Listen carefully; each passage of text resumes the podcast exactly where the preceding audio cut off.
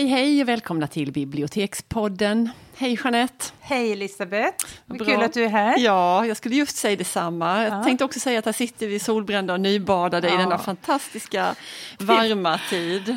Tur att det inte är bildsatt för jag är allt annat än solbränd. Vi kan inte. låtsas det. Ja.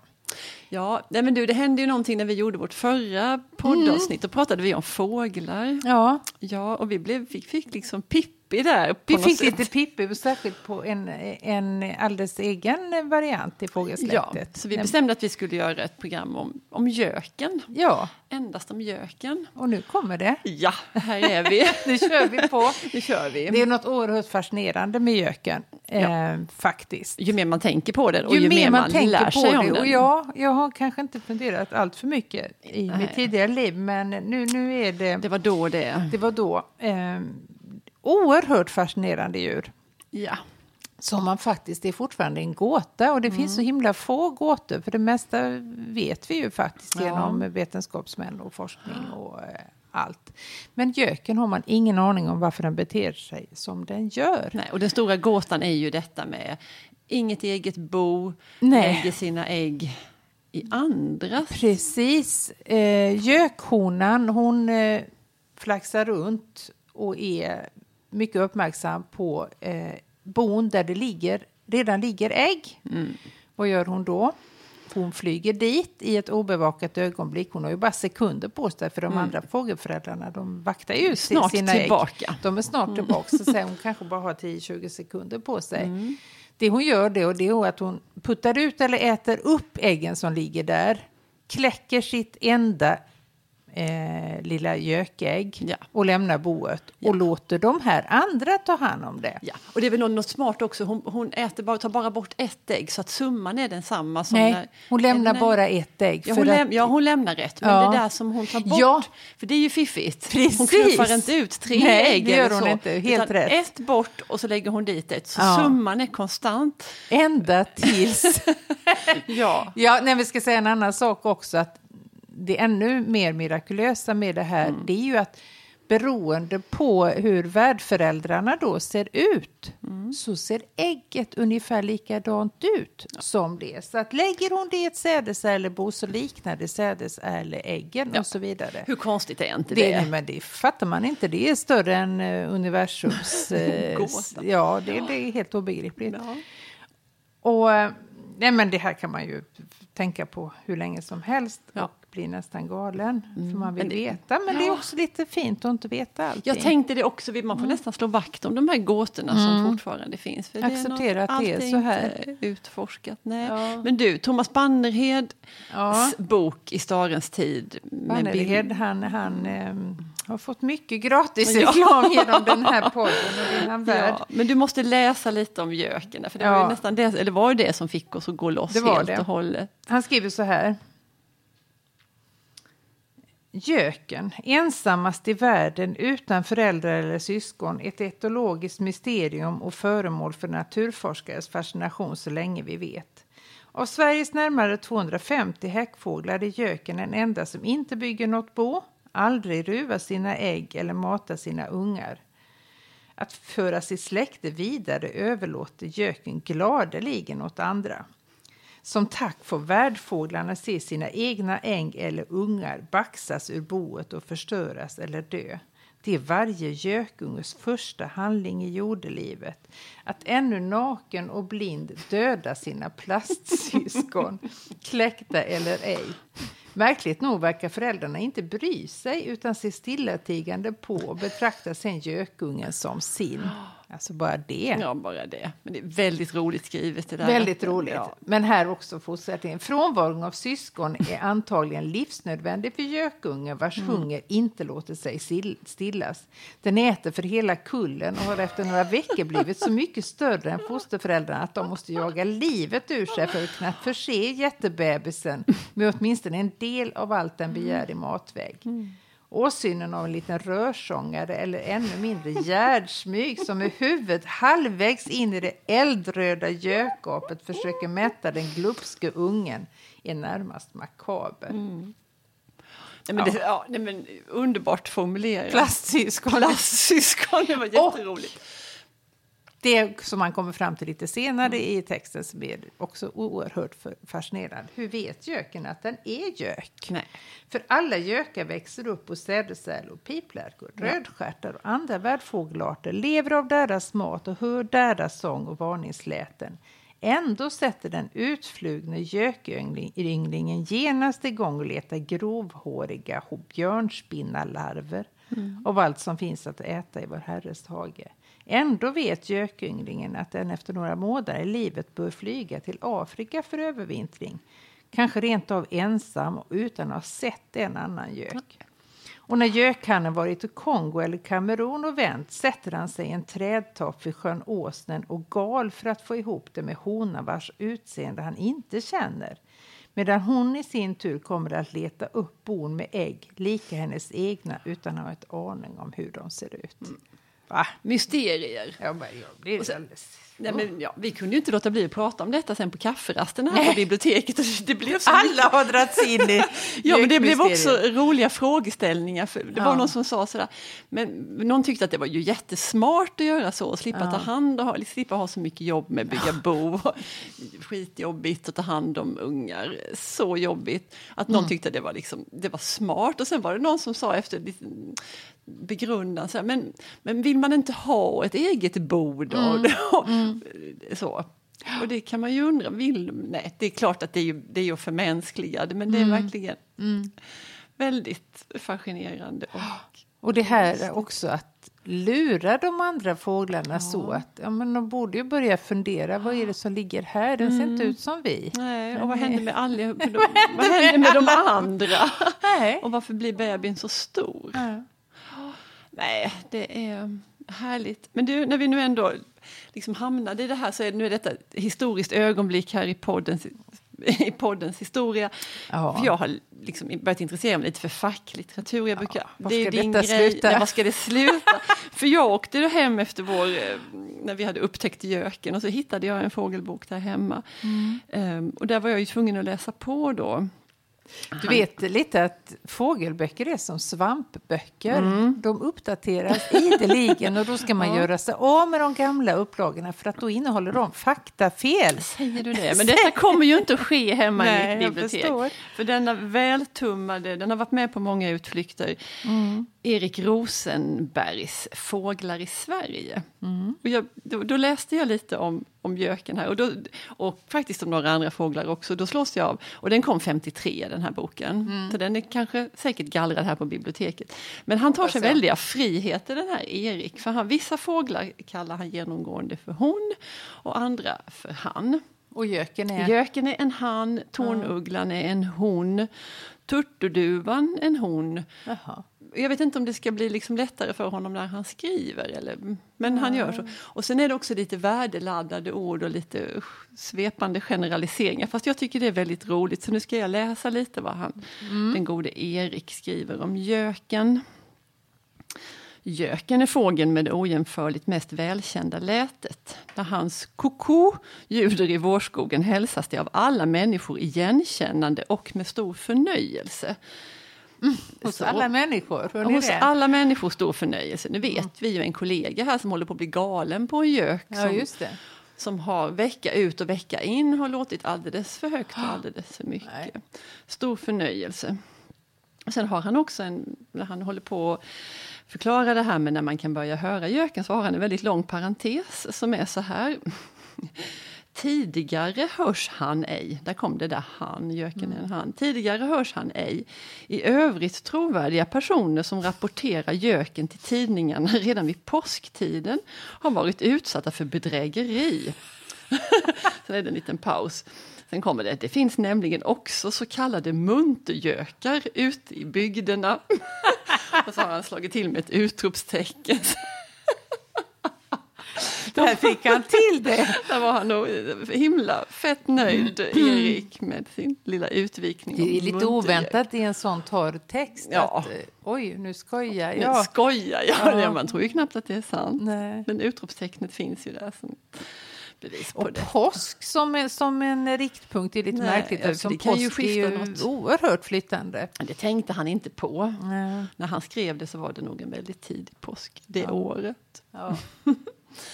Ja, nej men, och han skriver också, när jag läste vidare då i den här så, så eh, är han väldigt intresserad av att han vill ju då med hjälp av ord och bokstäver liksom förklara hur, hur fåglar låter. Mm. Um, och det kan vara flera rader med. Här har vi jordugglan till exempel. Hanen låter höra sitt dova om ett, avlägs, om ett avlägset stånkande ånglok minnande pop, pop, pop, pop, pop, pop, pop, pop, pop. i skymningen eller om natten. Ofta medan han drar fram högt uppe med vickande vingslag. Ja, och så vidare. Du, jag ska pop, pop, avslöja en sak. Åh, vad ska du nu, nu för tiden, med? förstår du, så behöver man faktiskt oh. inte läsa om hur fåglarna låter. Är det sant? Det är helt sant. Det finns en alldeles oh. fantastisk bok som heter Fågelsång. Mm. 150 svenska fåglar och deras läten. Och, och det deras läten. Ja. Mm. Det fiffiga är att till boken hör, eller den sitter ihop med boken, mm. hör en liten uh, ljudanläggning. Ja, men jag ser väl det. Du ser detta. Och det man gör det är att man eh, knappar in eh, numret på fågeln, ja. trycker på knappen och då får vi reda på att göken, om man nu inte skulle känna till det, låter så här. Mm.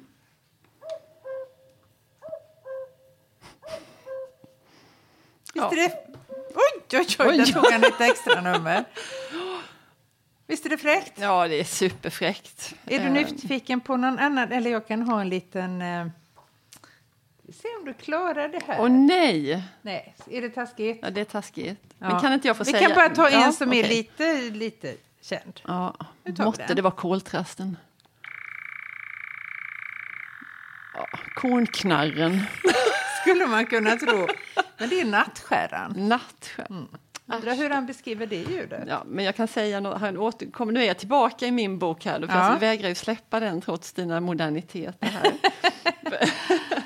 för det här är vad som kan hända om man skulle få för sig att härma en uh, galande gök. Ja. Då blir det så här, härmar man den galande göken något Oj. sånär skickligt en liten passus där, infinner han sig i regel snabbt för att fördriva den förmodade rivalen från sitt revir.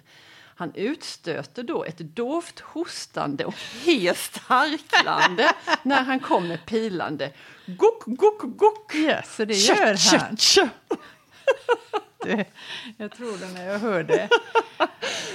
Ska vi ta favoritfågeln innan vi ja. går vidare på göken? Ja. Koltrasten. Ja.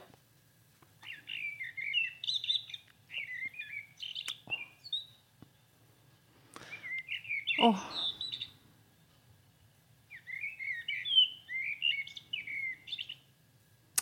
Ja, bästa fågeln. Bästa faktiskt. Fågeln. Ta hand om sina egna ungar. ja, sjunger vackert. sjunger vackert. Men du, vi, skulle, vi brukar också uppehålla något litet vid något skönlitterärt här i podden. Mm. Och då kan vi ju inte gå förbi Gökboet, King Kisis. Det bok. kan vi inte. Och frågan är om inte filmen är mer känd än boken jo, i detta eh, fall. Det tror jag. Eh, jag brukar faktiskt lite grann stoltsera med att jag har läst fler, fler böcker än jag har sett filmer. Mm. Och det är nog fortfarande sant. Men i gök, fallet Gökboet så har jag sett filmen hur många gånger som helst. Det är säkert tvåsiffrigt. Oj, oj. Men icke läst boken. Icke läst boken. Nej. Nej. Men vi kan ändå hjälpas åt lite och prata om vad handlar detta Du har om. heller inte läst? Inte läst heller. Nej. Men som de goda bibliotekarier vi är så kan vi ju ta reda på hur mm. det förhåller sig. Mm. Nej, men ja, en, tragi, en tragisk fars som handlar om mentalvården läste jag någonstans. Mm. Och det stämmer ju. Det får man väl hålla med ja. om. Ja. Och huvudpersonen är McMurphy. Mm. Som är en självständig person. Och han har ju genomskådat det här han är ju frisk, sjuka systemet. Mm.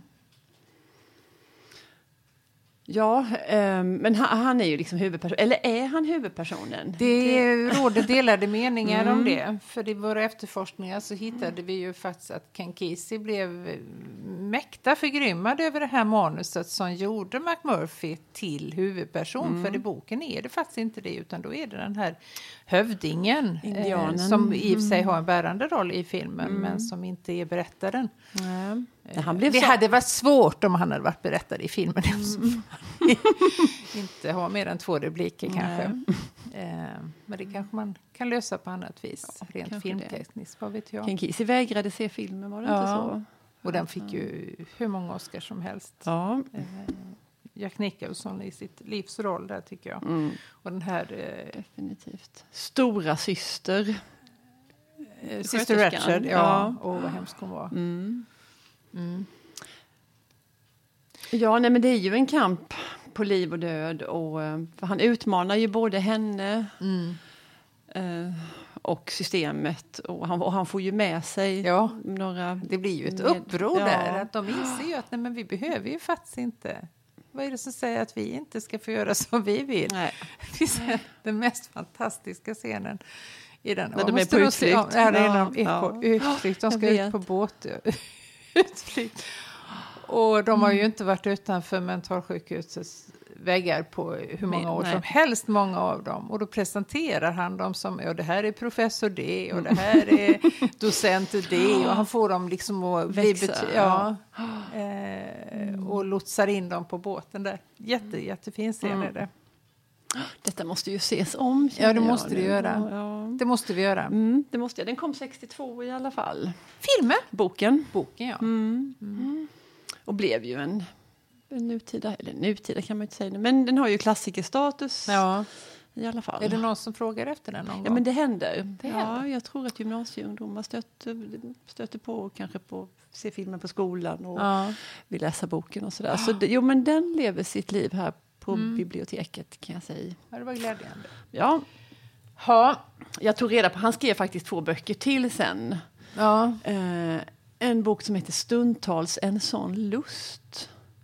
Och en bok som heter Demonlådan. Lite mindre efterfrågande kanske. Ja, Känner inte igen någon okända. Nej, men i alla fall, i den goda konsumentupplysningens tjänst har vi ja. nu talat om detta. Ja. Ja, men du, Kissis samlade verk. Ja, tre böcker på svenska. Men vad läser du nu för tiden då? När, när du nu, om du släpper göklitteraturen för ett det ögonblick. Det kan jag inte. Det kan du inte. Nej. Du är helt, du är verkligen fast. Ja, nej men alltså fåglar i stort. Jag läser mm. väldigt mycket Thomas Bannerheds och Brutus Östlings i mm. stadens tid. Och det här vågar jag knappt säga, men jag håller mm. fortfarande på med Elena Ferrante. Ja. Min fantastiska väninna. Mm. Eh, och den är jättebra, men ja. den går inte så fort. Och sen är det ju annat som lockar. Ja. det bär emot att säga det, men mm. det är ju ett väldans gott väder och mycket att stå i på det viset. Du då? Och mycket andra böcker som lockar också. Ja, ja. Men, eh, ja, nej, men jag gjorde något väldigt ovanligt häromdagen. Jag skulle hasta härifrån och jag var tvungen att ha med mig någonting att läsa. Annars är jag väldigt noga faktiskt med det jag plockar med mig och det, jag ska tänk, det som jag tänker läsa. Antingen mm. så har jag fått korn på något själv genom någon recension eller någonstans eller så är det tips ifrån tillförlitliga personer. Jag brukar mm. aldrig rycka en bok och bara nej. snabbt sticka det med den. Det kan ju vara ödesdigert. Mycket ödesdigert. Men så skedde häromdagen och då fick jag med mig en dansk författares romandebut. Hon har skrivit poesi tidigare. Hon heter Olga Ravn. Raun. eh, boken heter Celestin. Mm. Och det är en, till formatet en bok som tilltalade mig. Den Erkänn att det var formatet Erkänn att det var. Jag såg, den är 170 sidor ungefär. Eh, mindre än en A4. Men inte bara det, för jag ser på den att det där är en bra bok, mm. faktiskt. jo, men den är snygg, den, men den är inte så där jättecatchy. Men, äh, men ändå, den ropade på mig där på hyllan. Mm. Och sen blev jag glad när jag såg att Silla Naumann hade skrivit efterordet, för henne har jag stor tillit till. Hon har också varit fantastiskt trevlig gäst här i vår podd. Mm. Ett minnesvärt program. Absolut. Um, så om hon vill skriva efterord till någonting så är det säkert bra. Och den är bra också. Mm. Um, nu har jag bara läst halva. Jag kanske vill återkomma om den, för där finns mycket man skulle vilja prata om. Ja. Ibland tycker jag nämligen att den är lite lite för litterär, att det är liksom lite litteratur, litteratur. Att hon... Det är lite uppvisning av ja, se vad jag ehm, kan. Ja, Kanske. Och det är liksom väldigt förtätat med liknelser. Och, mm. liksom, hon är ju en ordekvilibrist. Mm. Men man måste kanske inte leda det i bevisning i varje, på varje rad, i Nej. varje stycke. Och det, men det där tycker jag är jätteintressant, så det kan vi inte ha ett podd om jo, om det någon gång. Där vi liksom närläser och så kan vi ha lite olika exempel. Ja, men så gör vi. Ja, så gör vi. Ja. eh, vad bra. Ja, då, men då så. Eh, drar vi vidare. Ja, men det gör vi. Ja, Slut för idag. idag. Hej då. Hej.